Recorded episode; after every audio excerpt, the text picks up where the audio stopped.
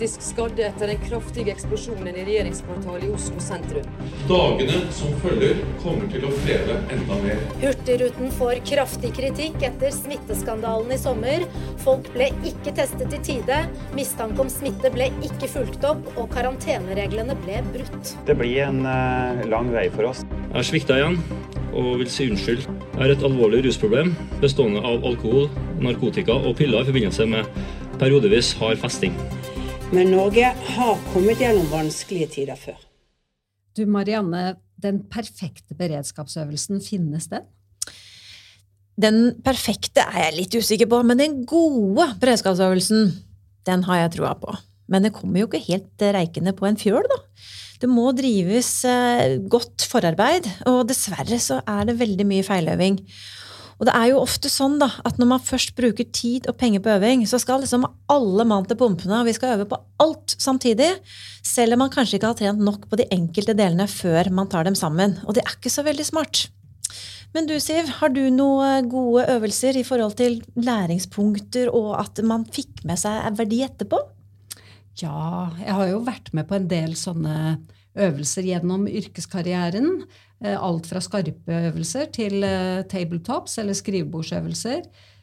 Og en øvelse som jeg kanskje kommer på, er jo da jeg jobba i Plan Norge. For da hadde vi en sånn skrivebordsøvelse hvor vi hadde med ja, Vi hadde skrevet inn uh, kjendis og planambassadør Truls Svendsen, som da var på tur i Rwanda og ble kidnappet. Og da testa Øvelse, øvelse. Ja, ja, ja. ja. og da testa vi ledelsen og kommunikasjonsavdelingen i rolleforståelsen. Og jeg kan love dere at eh, det var noe å hente etterpå der. Eh, det ble litt kaos innimellom, og vi måtte ja, måtte vel endre litt på kriseplanen etterpå. Og faren med slike øvelser er jo at folk rett og slett blir liggende i fosterstilling etter øvelsen. Og det som skjer da, er jo at ledere eh, slutter å øve, for de kom så dårlig ut sist. Det er null læring. Ofte handler det om at folk rett og slett har fått for mange snubletråder, og at de kanskje ikke har hatt noen som har villet dem vel når de planla. Det er litt vesentlig, faktisk. Ja, da tenker jeg det er på tide å si velkommen til Kriserådet. Eh, vi er Siv Meisingseth. Og Marianne Melfall. Og i denne episoden så snakker vi om den gode beredskapsøvelsen.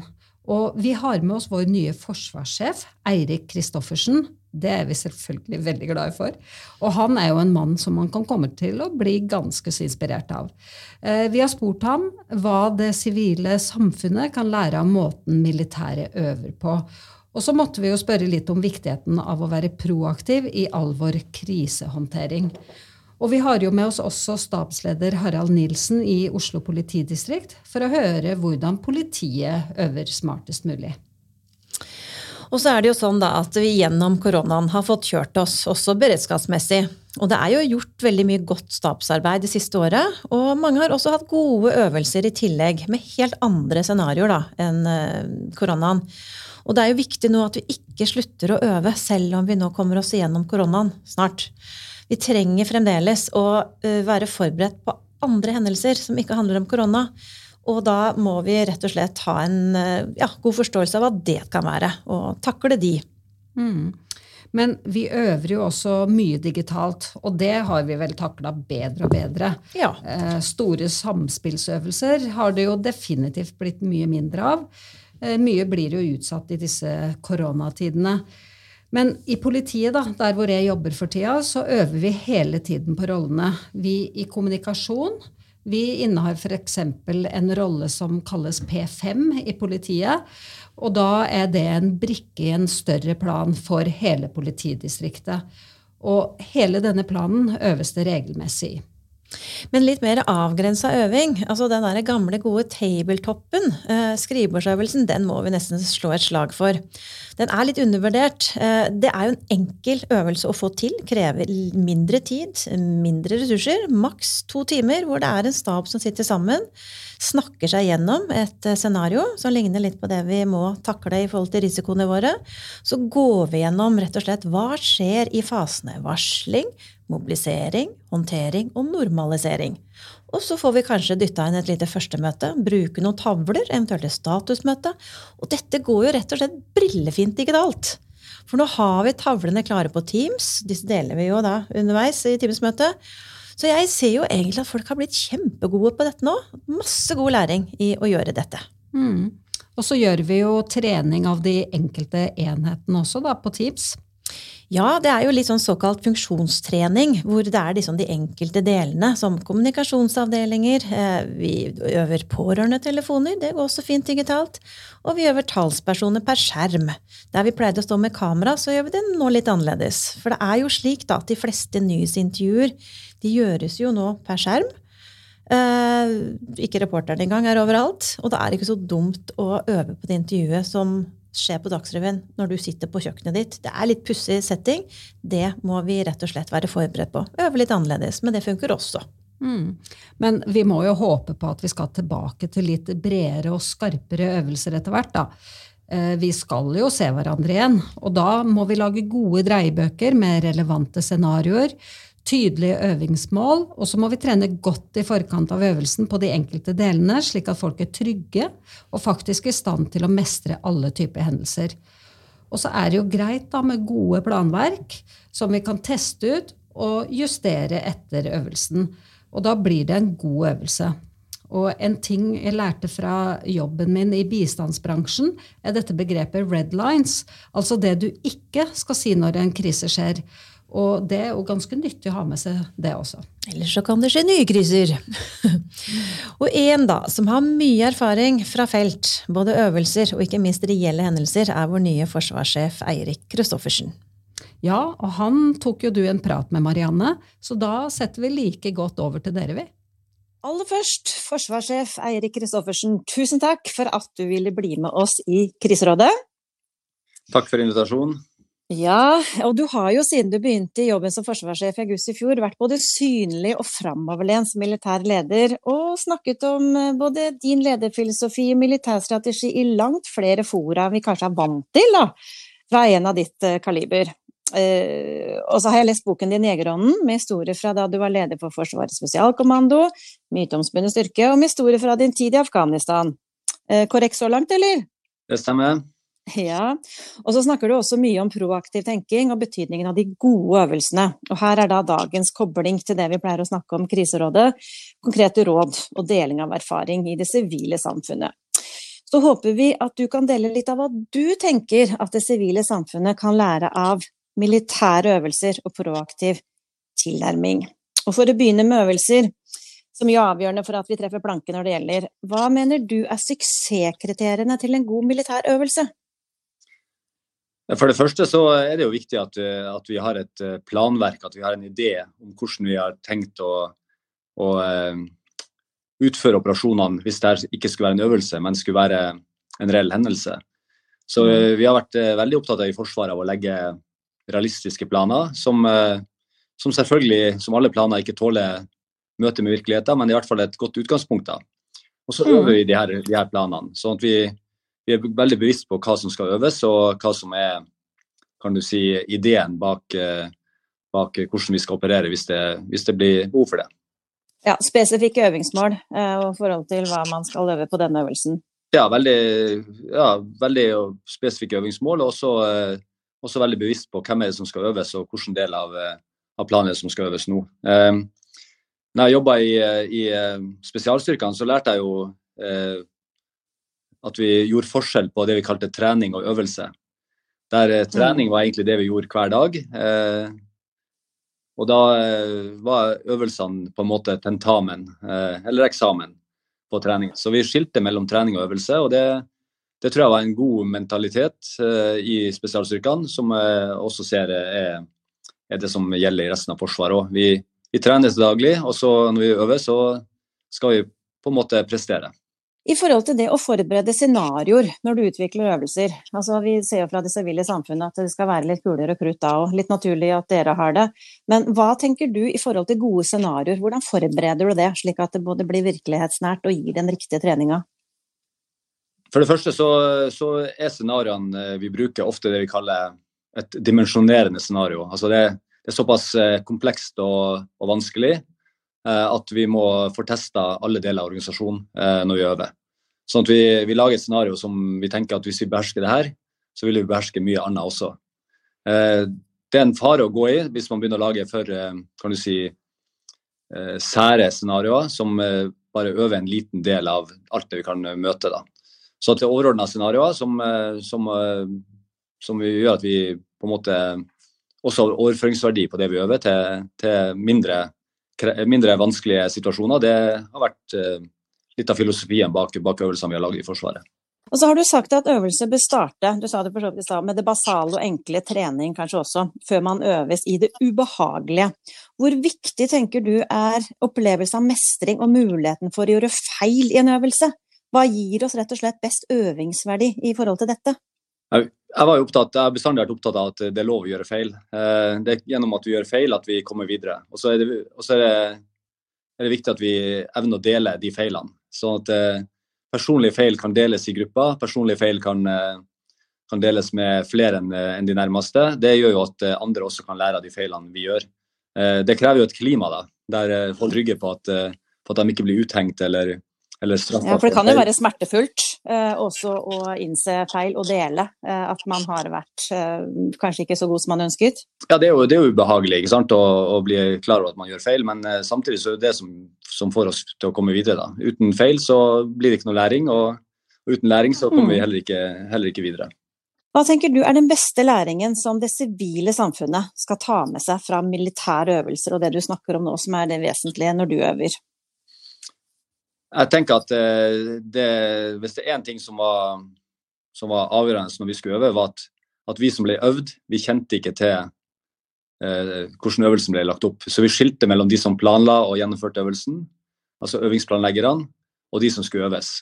Og det her det kjente jeg jo personlig på når jeg var sjef for eh, Forsvarets spesialkommando, der vi øvde f.eks. Eh, vanskelige kontraterrorøvelser mot, til støtte for politiet der jeg ikke visste noen ting om hva, hva som skulle skje. Og så, og så eh, ble jeg øvd sjøl òg. Så vi øvde hele kjeden fra sjefen til den enkelte som skulle utføre sin eh, del av, eh, av oppgavene.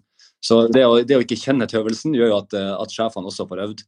Eh, hvis ikke så blir det litt sånn eh, da, da, får du ikke øvd hele organisasjonen. Og da måtte jeg også, også, ble jeg også utsatt for å, for å gjøre feil alle må ut i vaklesonen, det ubehagelige, også på ledernivå. Det er ja, eh, viktig. Det, mm. det, tenkte jeg var, var, personlig for meg veldig, veldig, veldig lærerikt. Eh, og så så jeg også at, eh, at, for at vi skulle lykkes med det, så måtte jeg ha noen folk som sto ved sida av meg, som kjente til øvelsen, som kunne si at den beslutninga du tok nå, Eirik, den, den tror jeg du skal tenke deg om en gang til. Hvis ikke så ødelegger jeg hele øvelsen. Så jeg ødela øvelsen for alle som var med, gjennom en feil vurdering. Jo, og det er faktisk et poeng at du har lov å ta noen timeouter for å ikke feiløve, men at du også får tid til å rette opp underveis. Er det også et godt kriterium i en god øvelse? Jeg tenker det. Hvis det er en, det er en god øvelse, så vil folk gjøre feil. Og, du, og i og med at du ikke, at ikke jeg kjente scenarioene eh, godt nok, så, så vil jeg bli utsatt for, eh, for, eh, situasjoner der jeg kunne ta en feil som gjorde at enten operasjonen ikke mislyktes, eller at de andre øvingsmålene ikke ble nådd. Og I begge tilfellene så var det en, en sånn eh, øvingsleder som sto ved sida av meg og, sa, og, bare fulgte med på det som skjedde. Og, og, eh, og, sa at eh, skal vi komme videre nå, så må du, må du tenke deg om en gang til på den beslutninga der. Uten, uten, ja, uten, at han ga meg fasiten. Ikke sant? Og uten å legge ut snubletråder som ikke var nødvendig for læringen. Da blir det jo bare litt guffen følelse. Du tar vel ikke med deg så mye godt fra det, egentlig? Nei, det, det er et veldig viktig poeng du sier der. Altså, det er enhver en øvingsplanlegger og enhver som evaluerer, kan, kan, ødelegge en øvelse når som helst. Det er veldig lett å legge ut en sånn snubletråd, som du kaller det, som gjør at alt stopper opp og egentlig ingen lærer noe som helst. Og så blir det bare en følelse av, av, å mislykkes. Men du, hva tenker du om det å være proaktiv i krisehåndteringen? For du, du snakker jo om det å forutse det verste fienden kan finne på, og lage planen basert på det. Hvordan kan vi rett og slett overføre det til krisehåndtering i samfunnet generelt? Det proaktive? Det, jo, det beste eksempelet vi har i Forsvaret, er jo eh, historisk er jo Birger Eriksen på Skarsborg, som, eh, som senka Blücher. Han eh, tenkte sjøl at dette er det rette å gjøre, og så, og, så, og så, fyrte han av de torpedoene eh, som skulle til for å senke Blücher. Og det, jo, det lokale initiativet der betydde jo veldig veldig mye for å få unna både konge og regjering fra Oslo. Det jeg har lært i, i min tid i Forsvaret, er jo at eh, den lokale beredskapen, den første responsen, på en krise er veldig avgjørende. Det første som skjer, som ofte avgjør om det her blir en større krise, eller om, om vi klarer å stoppe det der og da. Og så må vi samtidig ha være forberedt på at, uh, på at uh, ting ikke går som vi har tenkt. Og, og hele tida tenke eh, hva hvis det skjer, hva gjør vi da? både trene og øve og snakke oss gjennom alle de her uforutsette hendelsene som alltid oppstår. I Forsvaret kaller vi det for friksjon. Det er alt det som skjer når en plan blir satt ut i, i virkelighet. og så, og så Enten så får du ikke kommunikasjon, eller at, at det er glatt, glatt føre så ikke kjøretøy kommer frem, eller at uh, været ikke mm. tillater at helikoptrene flyr. Og så må du ha alternative planer. Men hva er det som hindrer oss, tror du, i å tenke det proaktive? Altså Vi blir litt trigger-happy, vi går til aksjon. Hva er det som skjer med oss da? Ja, det som skjer, er jo at, at, vi eh, fort kan gå rett inn i ei felle. da. Altså vi, vi, kan bli Vi kan risikere at vi, vi blir så låst i det vi ser for oss, at vi glemmer å ta med oss alt det andre som kan skje òg. Ledelse krever jo en viss eh, forutsigbarhet og ikke minst en eh, god tilpasningsevne, sånn at vi, vi husker hva krisa handler om. Jeg har sett veldig mange eksempler på at, eh, på at en krise plutselig blir noe annet enn det det egentlig er. Altså det, det, er de som står i krisen som er de vi skal støtte, og ikke, og ikke oss ledere som har en tendens av og til til å overta krisen sjøl. Hvor viktig er planverk når man øver? For du har jo tidligere sagt at planer sjelden, det sa du også, sjelden tåler et møte med virkeligheten. Eh, men hvis det er slik, eh, hvordan bør vi da bruke planverket og øve? Ja, vi, må, vi, vi, bør, vi, bør, legge planer. Altså, vi bør eh, ha en idé om hvordan det skal, skal, virke hvis en krise inntreffer. Så planer er viktig. Men det er også viktig å erkjenne at, at planene, at planene vil, vil, bli utsatt for for endringer. Fordi at virkeligheten er annerledes enn det vi så for oss når vi planla. Det å ha en plan i utgangspunktet er bedre enn å ikke ha en plan. Men så må vi ha sjefer som ikke slavisk følger planen, eller, eller, ledere ute som, som, sier at nå gjør vi akkurat som vi har lært. Vi må faktisk tilpasse oss eh, den virkeligheten vi står i. Og det er jo, det er jo sånn at, eh, at, de som står oppe i situasjonen, det er de som vet hva som skjer. Og da må vi jo eh, ikke tilpasse planen eh, ikke la planen styre hva, hva, vi skal gjøre, men faktisk den virkeligheten de, de står i. Eh, noe å ta med seg fra det sivile samfunnet i forhold til eh, øving og krisehåndtering? Altså kanskje mindre tellekanter, mindre oppstilling på revelje, men evnen til å protestere og tenke selv, eh, som kanskje ikke er så eh, del av det militære. Men du har jo sagt litt om det. Eh, hva tenker du? Noe av dette vi kan ta med oss fra det sivile og inn i militæret? Ja, vi, vi eh, vi tenker egentlig ganske likt både i det sivile og militære når det kommer til, til krisehåndtering. Så er det ikke, det er, ikke det, det er, på en måte de samme mekanismene som slår inn. Eh, jeg syns det sivile er veldig flinke til å, til å eh, respondere raskt. Altså jeg ser på både på ambulansetjenesten, politiet, brann. De står jo i det her hver dag. De responderer raskt, og de, de, eh, de har ofte ikke så omfattende planer som det vi i Forsvaret har. Så det vi i Forsvaret kan lære av, er jo nettopp den her denne eh, evnen til rask respons og, og, det å operere hver dag.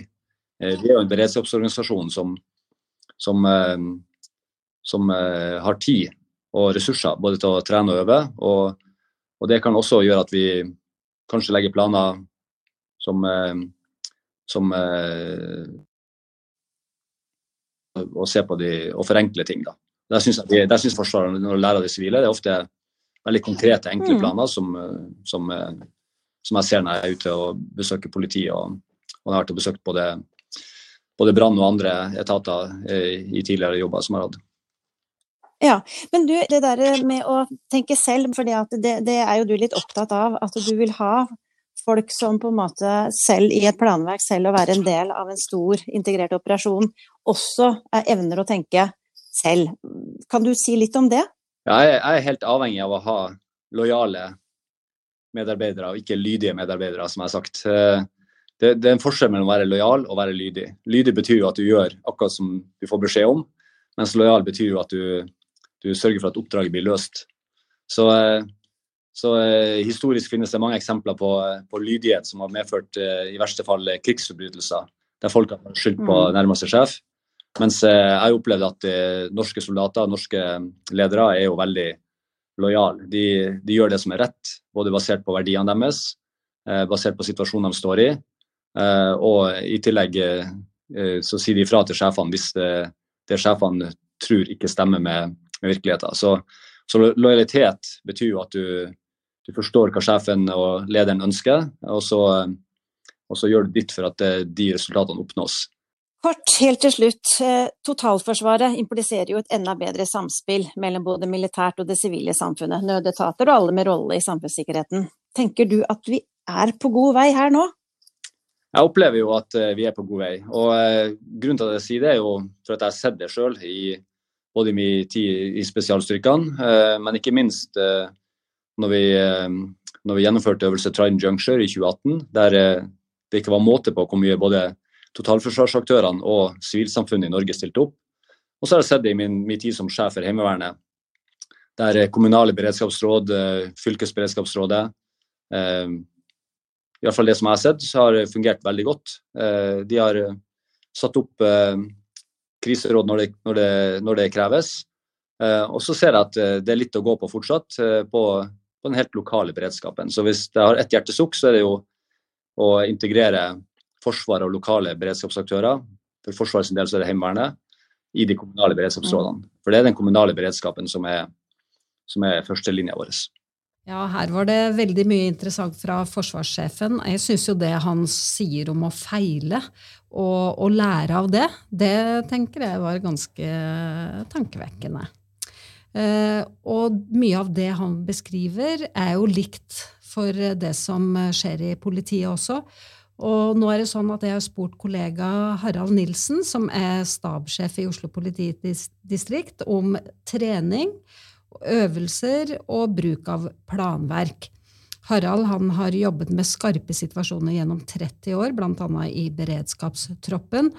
Og jeg stilte han spørsmålet om hvor ofte man egentlig bør trene. Ja, det er jo nesten umulig å svare på, tenker jeg. Eh, treningen må ha effekt. Det er liksom det som er. Eh, de fleste kriseorganisasjoner de, de må være såpass realistiske at eh, de som skal inn og bl.a. besette staber når krisen kommer, de har gjerne en annen jobb i hverdagen. Eh, så det må balanseres med det. Da må du hente inn synergiene, sånn som vi snakket om i sted. Og så må du trene sånn som det har effekt. Du må ha tiden til det. Du må kunne gjøre det ordentlig. Det må være på en måte litt sånn forberedt, det du gjør, og så må du trene gjennom, og så må du ha tiden til den delen som heter evaluering i ettertid, sånn at du kan dra med deg det som er bra, til, til, neste runde, og på en måte da lukke de gapene som er der på det som ikke er fullt så bra. Og så er det slik at Når man har vært igjennom en krise, så er det viktig med debrief, sier Harald Nilsen i dette intervjuet.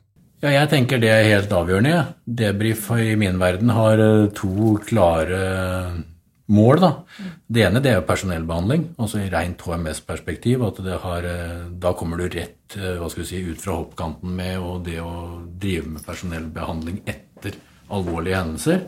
Så du lukker en del gap der sånn. Og så er det jo den første delen for oss at organisasjonen skal ta læring. Mens det er ferskt og godt, så får du en god gjennomgang som vi allerede der kan få førsteinntrykkene på, for å se hva er det vi skal sette fingeren på, hva er det vi skal gå videre med. Mm. Og når du har hatt en debrief, så er kanskje neste punkt en evaluering av hva du faktisk gikk igjennom. Eh, og hvordan eh, bør man gjøre den? Nei, Da bør man bruke en, hva skal du si, en, en, god oppskrift for evaluering. og Der er det mange systemer. altså Det er GAP-analyser og det er andre analyser. Men, men, gå inn og gjøre en god jobb på det som vi velger å sette fokus på. Altså Man plukke ut noen punkter som man ser at det her Dette vil vi fokusere på. Og så gjør vi den jobben ordentlig med dem. Uh, og da er det selvfølgelig at uh, i evalueringa så skal det jo Hva er det som har skjedd? Hva er det ønsket at skjedde? Og så har man da egentlig en eller annen form for gap der sånn som man skal lukke i ettertid. Eller man finner ut at dette her, det fungerte veldig bra i organisasjonen. Og det er jo veldig veldig viktig. At vi evaluerer jo ikke bare for å rette opp det som er feil, men at for å ta vare på det som vi gjør bra, sånn at vi kan videreføre det. Vi kan vel slå fast at øvelser og ikke minst evalueringer er smart anvendt tid både i politiet, i Forsvaret og for alle oss som driver med beredskap. Da tenker jeg at det er tid for litt oppsummerte råd. Um, ja, nummer én, reell læringsverdi fra en øvelse er det viktigste når vi planlegger øvelser. Ikke bare at vi kan tikke av på gjennomført, Eh, velg øvingsform og omfang som er mulig for dere å håndtere. Og råd nummer to fra oss lag realistiske scenarioer, ikke for kompliserte og detaljerte. Ha fokus på at folk får øvd på metodikken, roller og funksjoner, samordning, og at de får brukt planverket og verktøyet. Og vær tydelig på øvingsmålene. Og det siste rådet, som forsvarssjefen sa, la folk feile. Sørg for et trygt øvingsklima, og korriger feiløving umiddelbart. Og hva dere enn gjør, øv! Dere kommer hundre ganger bedre ut om det smeller, enn om dere ikke gjør det. Takk for at du hørte på Kriserådet.